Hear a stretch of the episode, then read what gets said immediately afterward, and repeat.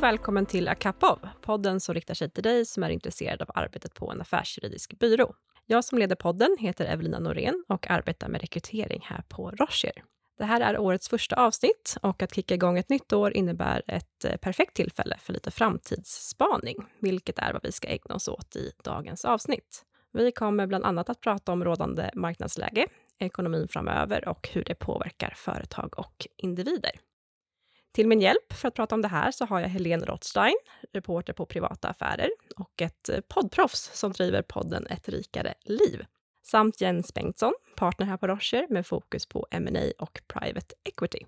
Och Jens har ju varit med sedan starten för Rocher här i Stockholm och har erfarenhet från både låg och högkonjunktur i advokatbranschen. Varmt välkomna Helene och Jens. Tack så mycket. Tack så mycket.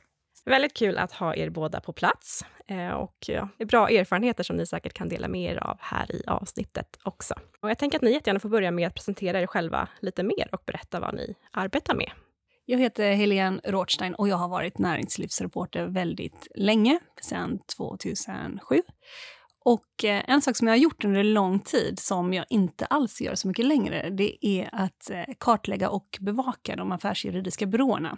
Men det har jag gjort kanske i tio år ungefär. Och eh, det gör att jag liksom har koll lite på när Rocher etablerade sig i Stockholm till exempel och vilka det var som drog igång firman och sådär. Jag har pratat med Jens jättemånga gånger också. Så det är väldigt kul att få vara här och podda med er. Jätteroligt.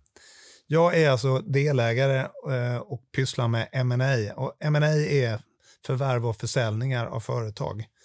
Och för alla de stora affärsjuridiska byråerna så är det här en av kärnområdena. Det är det som, ska du bli framgångsrik som, som byrå sett så måste du vara stark på M&A. Eh, och det är för att det driver så stora delar av volymerna av arvodena i en affärsjuridisk byrå. Och då inte bara för de som direkt pysslar med det jag gör, utan även alla specialistgrupper blir ju inblandade. Det är väldigt många jurister i en stor transaktion från alla specialistgrupper, konkurrensrätt, arbetsrätt, eh, IP etc. etc. Så att det här är, det här är en av de absoluta kärnverksamheterna för varje framgångsrik affärsjuridisk byrå. Och det är därför det här är intressant. För det driver ju också i sin tur eh, en stor del av vår rekrytering, vad vi tror om, eh, om framtiden, om, särskilt på det här området. Och då är det inte bara om du är intresserad av att bli ma advokat utan konkurrensrättare eller processrättare eller pyssla med finansiering eller vad som som jag har fattat det så är det också det som man inte gillar på en affärsjuridisk byrå. Det är när det inte händer någonting. Ja, det är hemskt. Det är precis som att folk får för mycket syre i skallen. Va? Man vet inte var man ska ta vägen. Det börjar klia i kroppen efter ett tag. Och sen börjar man tänka på men det här är inte bra för min karriär heller. För att det är ju faktiskt så att det vi gör här det är att vi, vi tränar på jobbet. Man kommer från en utbildning och man kan grundläggande juridik. Men man vet väldigt lite om advokatverksamhet. Och man får ju utbildningar på alla de stora byråerna, även på Rocher. Men utbildning kan inte ersätta riktigt arbete. Och det är på riktigt arbete som du lär dig att utvecklas. Om riktigt arbete tar slut, ja då utvecklas du inte lika snabbt, tyvärr. Så då blir det sån här, då blir man orolig och så blir det jättedåligt. Och jag tänker vi ska dyka in ännu mer i marknaden alldeles strax också. Men eh, tanken när vi startade den här podden var att bjuda in olika gäster till ett samtal över en kopp kaffe, vilket vi har gjort här nu också. Så jag tänkte också inleda med en, en viktig fråga. Och det är väl vad ni föredrar att ha i era koppar. Eh, om det är kaffe eller te och hur ni, hur ni dricker det i så fall. Svart faktiskt. Um, och det är för innan, när jag började dricka kaffe så hade jag med mjölk. Men eh, Sen kom jag på att det är typ bara barn som dricker kaffe med mjölk. Och jag. Svart, starkt och mycket. I alla fall eh, innan klockan tre. Efter klockan tre dricker jag i princip inget kaffe. Då kan jag inte sova. Nej, det låter klokt då. Avstå då. Bra, då har vi stämt av det och då känner jag att vi är redo att fortsätta djupdyka i dagens ämne och kanske börja blicka lite framåt också. För 2023 präglades ju av mycket oro i omvärlden, höjda räntor och låg konjunktur. Men vad skulle ni säga att vi har att vänta av 2024? Hur ser konjunkturen ut framåt? Ja, den som det visste. Ska jag börja? ja, ja, du kan börja. Ja. Alltså ma marknaden är en, det är en den har högkonjunkturer och lågkonjunkturer som resten av ekonomin. Och den, det hänger delvis ihop med hur resten av ekonomin ser ut. Men om man tittar på hur det har sett ut på hela 2000-talet så hade vi de topparna var 2007, 2015, 2021. Eh, och sen efter varje sån här topp med liksom massvis av affärer så går det ner och sen tar det ett gäng år innan det, innan det återhämtar sig. Men det som har varit varje gång under 2000-talet är att det har tagit ungefär två år efter varje topp innan det har börjat återhämta sig. Så det har sett lite olika ut. Va? Eh, efter 2007 och gick ner så gick det ganska eh, en rak kurva upp till nästa topp. Medan efter nästa eh, topp efter det så var det lite volatilt innan det spikade igen 2021. Eh, men om man skulle följa det här mönstret, om man bara tittar på det här som ett mönster, så tar det ungefär två år efter en topp och sen dal. Va? Och sen skitmarknad i två år och sen så börjar det repa sig lite grann. Eh, med lite upp och ner ibland eller så går det sakta uppåt. Det skulle då, om man skulle tro att mönstret upprepar sig, så är eh, 2022 och 2023 var då förlorade år. Eh, medan det vi är inne i nu skulle vara första året för återhämtning. Och ska man titta då på makro runt omkring och fråga sig liksom, vad är det som tyder på att det här mönstret håller i sig då? För det är väl ingen naturlag, utan det är väl bara ett mönster. Eh, och det är väl, dels är det nationalekonomerna får svara på varför det tar två år att vrida runt en lågkonjunktur. Men sen har vi också det här hur private equity fungerar. Eh, som delvis, alltså private equity det är en särskild typ av eh, eh, aktör i marknaden som som professionellt köper och säljer företag, det är att de har fonder med en viss tid där de ska bränna pengar. De ska investera under en viss period och sen ska de sälja under en viss period. Och om du inte har gjort någonting, eller väldigt lite på två år, så har du lika mycket pengar att göra av med på kortare tid. Vilket gör att du, du måste börja investera. Men det är också så att investerarna i fonden vill ha tillbaka pengar och har du inte sålt någonting på ett par år så knackar de på dörren och säger det att du, nu får du börja recirkulera pengar va? Innan, du ska, innan du ska dra ner nya pengar och investera. Så där finns liksom ett tryck i systemet från private equity. Och så finns det ett tryck från banker som säger att eh, en del av våra affärsidé är ju faktiskt att låna ut pengar och vi kan ju inte strypa det här för tid och evigheter. Och det är inte bara banker utan det är också bondmarknaden och andra källor till lånefinansiering. Och efter ett tag så, så känner man sig trygg och börjar öppna kranarna igen. Och allt det här, de här två har vi ju fortfarande. Va? Och sen det tredje är att man ska få visibilitet i marknaden. När, när det bara är Lützendimma framför sig och man inte kan räkna på om det går upp eller ner eller eh, platt utveckling, jättesvårt. Men det spelar ingen roll vilket håll det går egentligen. Va? Bara jag har en visibilitet så att jag kan sätta, få in det i min modell, värderingsmodell. Och nu börjar det här efter två år klarna igen. Va? Vi får ha bättre räntebanor som man kan räkna med. Man ser konjunkturen ungefär hur det går, företagen producerar. Så jag tror att det här och massa andra faktorer gör att vi, vi faktiskt tror att det finns en möjlighet att mönstret upprepar sig igen. Alltså att det här 2024 blir det första återhämtningsåret på M&A där det börjar gå uppåt. Men sen har vi ju i andra vågskålen, där vi har liksom Mellanöstern ser ut att kunna börja brinna. Vi har val i USA som kan sluta riktigt illa för Europa.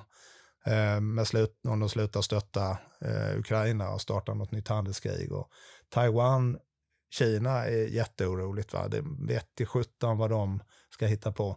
Så där finns liksom, det går att plocka ganska många oroshärdar som kan spräcka det här mönstret. Eh, vilket gör att vi tar på oss liksom skyddsväst och hjälm och så hoppas vi att det här ska hända. Och om det kommer hända så är jag inte säker på att det händer Q1 eller Q2. Utan jag, för jag ser att nu förbereds det ganska mycket försäljningar av stora företag.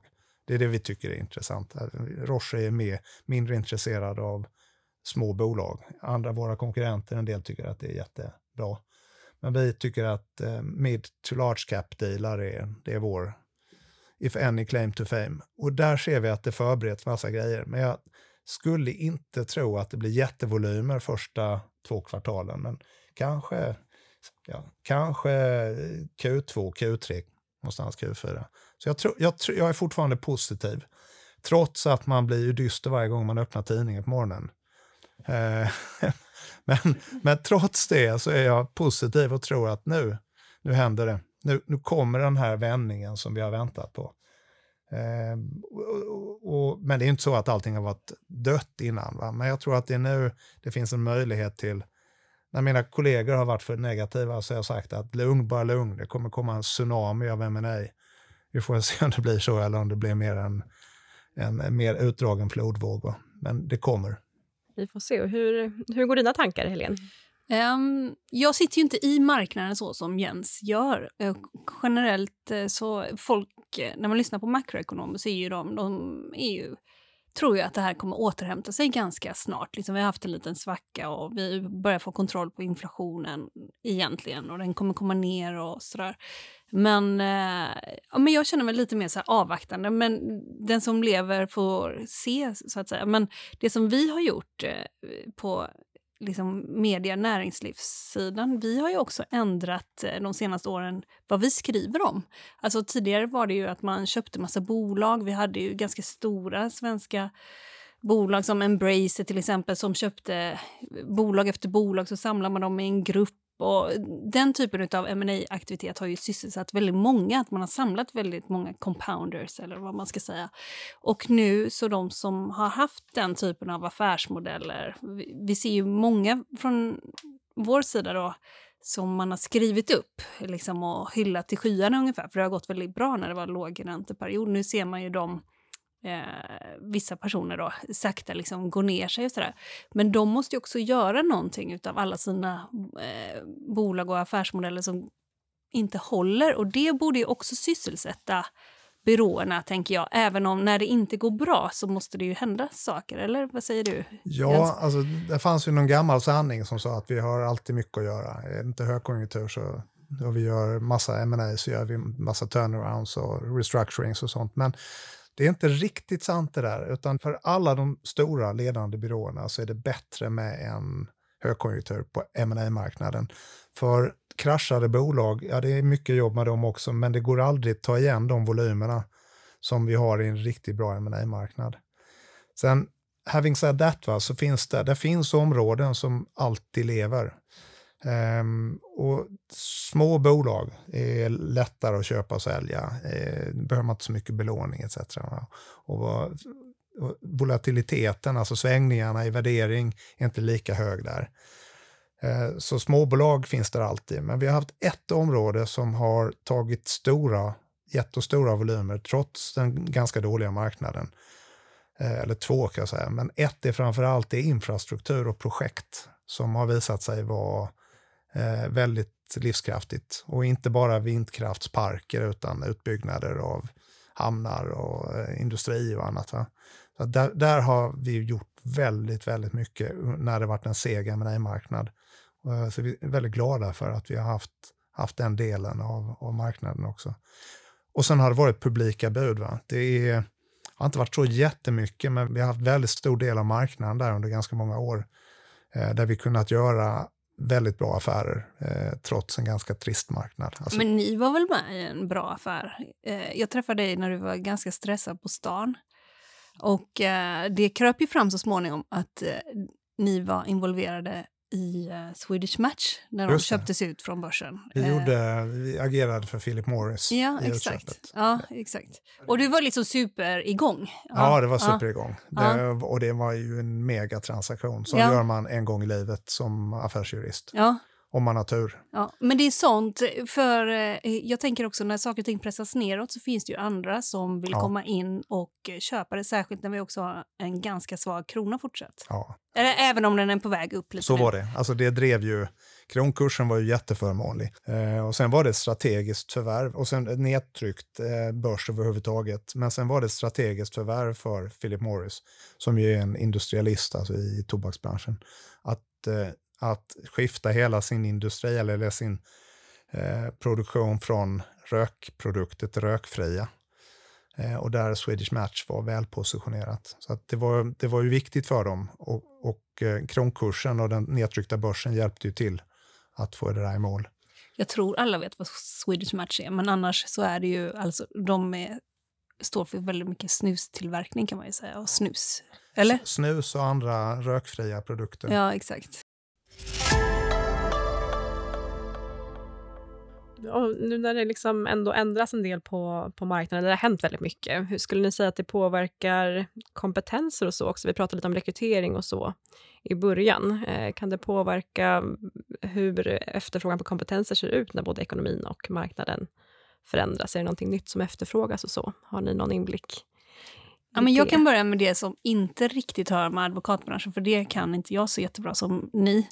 Men eh, jag såg ju här nu, om man ser brett i Sverige, så såg jag att väldigt mycket av sådana högkonjunktursjobb, typiska liksom högkonjunktursjobb, de går ju ner. Bygg så, är helt iskallt eh, just nu. Det är ingen som anställer bygg och det är en väldigt kall marknad. Och det har man ju också sett hur det har stannat upp jättemycket, hela sektorn och byggnation.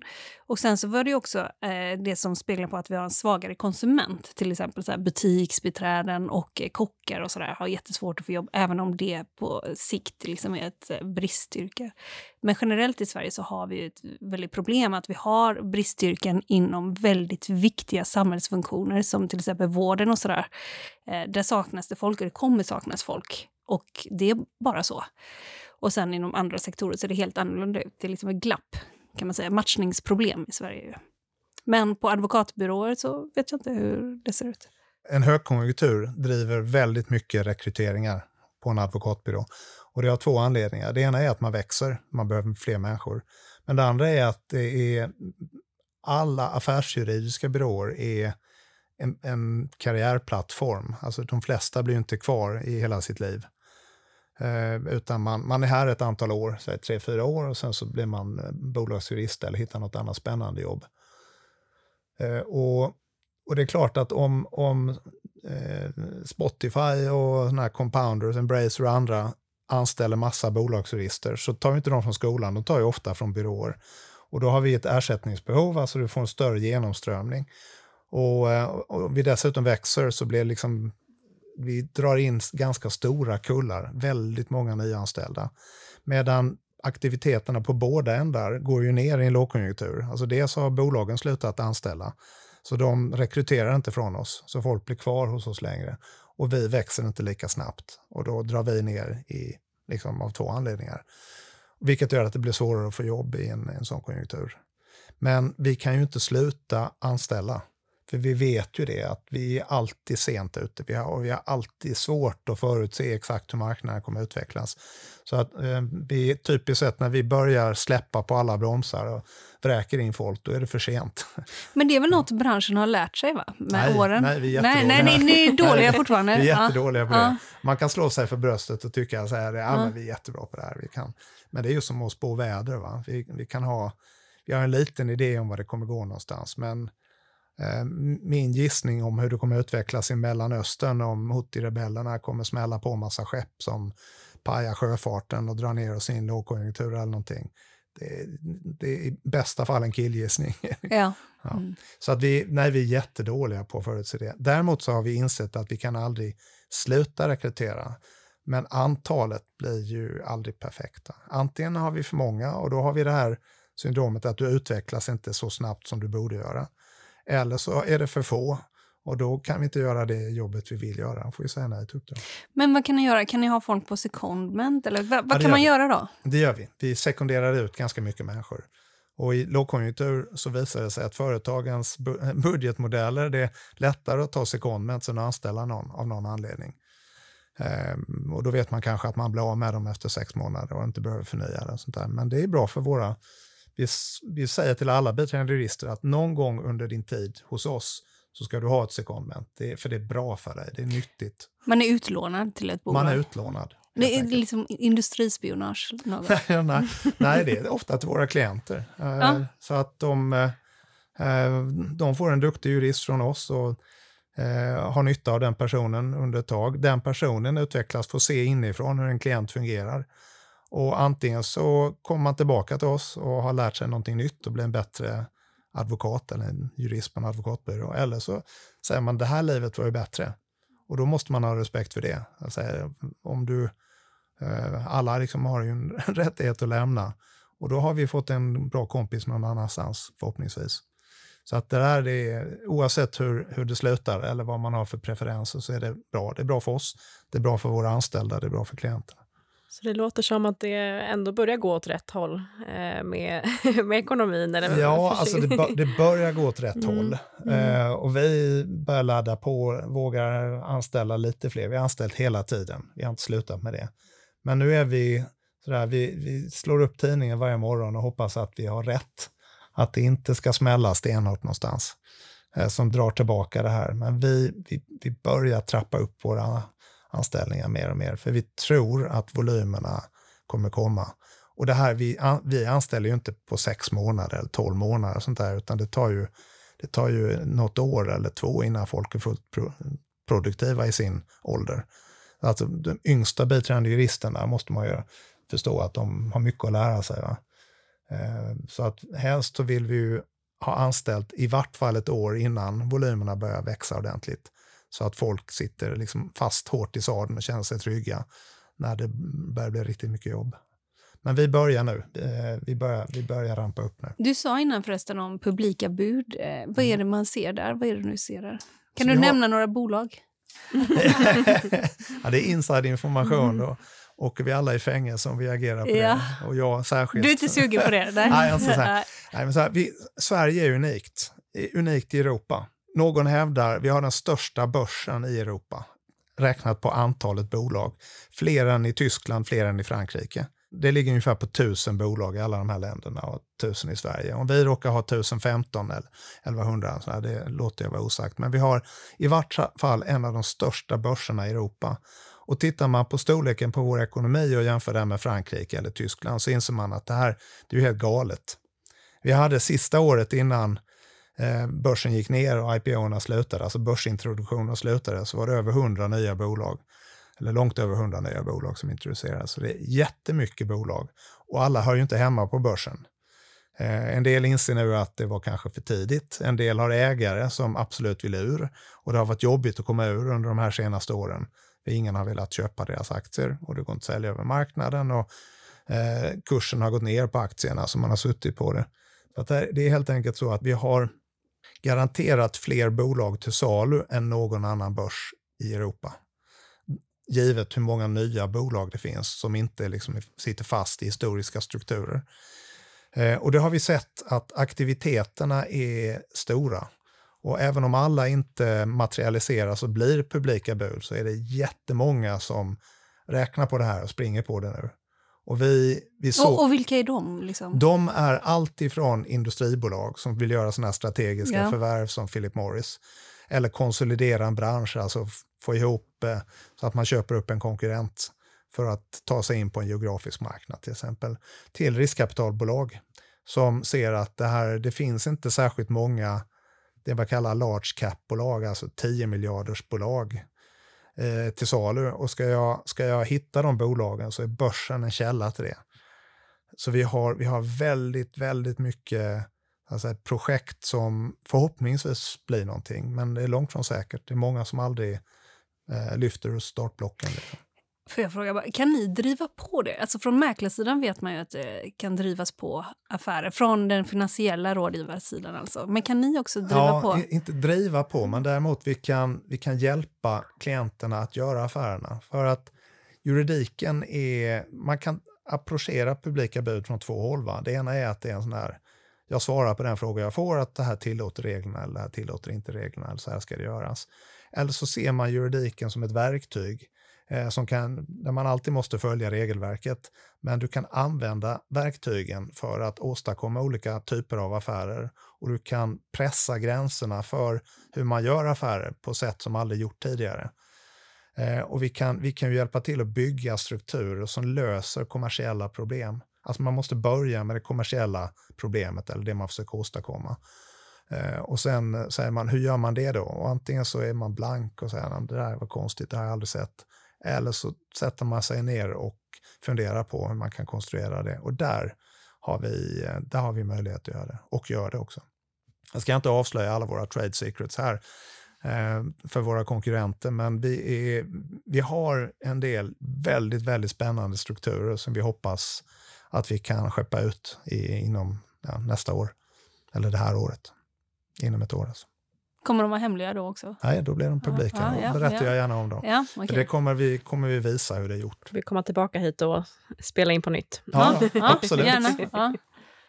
Eh, bra, jag tycker att vi börjar få en bra bild av hur, hur era tankar går, liksom vad, vad tron är om året framåt. Är det någonting annat ni vill tillägga som kan vara bra? Jag tänker det är många studenter som lyssnar, något som kan vara bra att ha i åtanke eh, när marknaden ser ut som den gör och som man kan förbereda sig på för det här året eller inför examen eller så. Någonting som... Nej, men Jens har ju varit inne lite på det att vi har en väldigt orolig omvärld och eh, liksom den här eh, situationen som vi är i nu. Här, många utav, eller vi har ju två krig liksom i, ganska nära oss ändå. Och eh, hur, frågan är ju vad, vad som kommer hända där till exempel. Alltså det är ganska mycket som man inte alls vet om framtiden, så kan man säga. Och eh, jag tror ofta att makroekonomer till exempel är lite väl eh, positiva. Och kanske Jens också lite väl positiv.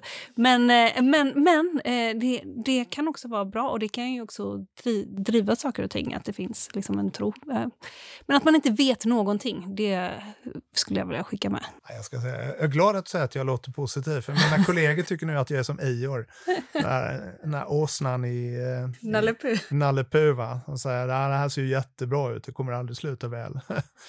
Men- och- för det finns, det finns så mycket som kan gå fel. Men jag tror att den underliggande trenden är att nu är det på väg att rätta till sig och så krävs det en extern chock för att det inte ska hända, för att det inte ska gå bra. Så att jag tror att så länge, så länge vi eh, inte blir värre än det är nu i både i Ukraina och i Mellanöstern så kommer det här att repa sig och att det inte smäller till någonstans i Nord-Sydkorea eller Taiwan eller något sånt där. Då, då, då löser det här sig. Men det, ska, det, är, det är ju väldigt eh, instabilt.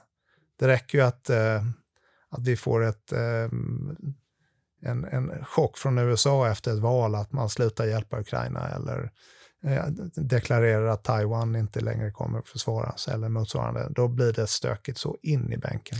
Ja, sen vet man ju aldrig hur det påverkar marknaden eller börs eller, eller ma affärer Det vet man ju faktiskt Nej, inte. Eh, ibland inte. lever det helt olika liv. Som när man såg här med Israel och Palestina när det liksom var igång. Eh, samtidigt så steg ju börsen så inåt eh, bänken, eller Nej, helvete eller kan man gissa. Då kan man gissa att det är för att man tror att man har isolerat problemet. Men nu ser vi ju att nu smäller det åt alla olika håll. Senast, eh, senaste dagarna har det varit mellan Pakistan och Iran som vi inte har sett smälla tidigare. Så att, ja, det, det är ju jättesvårt att se hur det här kommer att utvecklas. Men det övergripande budskapet är att ja, det kanske blir att det blir lite stökigt eh, ett tag här. Och eh, avsaknaden av att världen går under så vet vi ju att det, marknaden kommer alltid igen. För det finns en underliggande behov av att göra affärer. Det är en del av marknadsekonomin. Så att det är inte en fråga om om den kommer återhämta sig, utan det är bara en fråga om när. Och antingen följer det det gamla mönstret, eh, två, år, två år lågkonjunktur och sen så börjar det ta sig långsamt uppåt. Och det kanske inte blir så, men vi vet att det kommer att komma tillbaka. Så att om man bara, om man bara är lite uthållig så, eh, så kommer det här bli bra. Peppar, peppar. Famous last words. Vi håller tummarna för det, Ja. helt enkelt. Men jättestort tack, Helene och Jens, för ett väldigt intressant och ja, men försiktigt hoppfullt eh, samtal, kanske man får säga. Eh, jättekul att ni ville komma hit och dela med er av era insikter. Tack så mycket. Tack så mycket. Eh, och som sagt, det är osäkra tider, men det finns ljus i mörkret när det kommer till ekonomin, så småningom i alla fall. Och tack även till dig som har lyssnat. Eh, tveka inte att höra av dig till oss om du har förslag på ämnen och gäster som du vill höra mer av här. Maila i så fall till akapav.podcast Glöm inte heller att följa oss på sociala medier. Tack!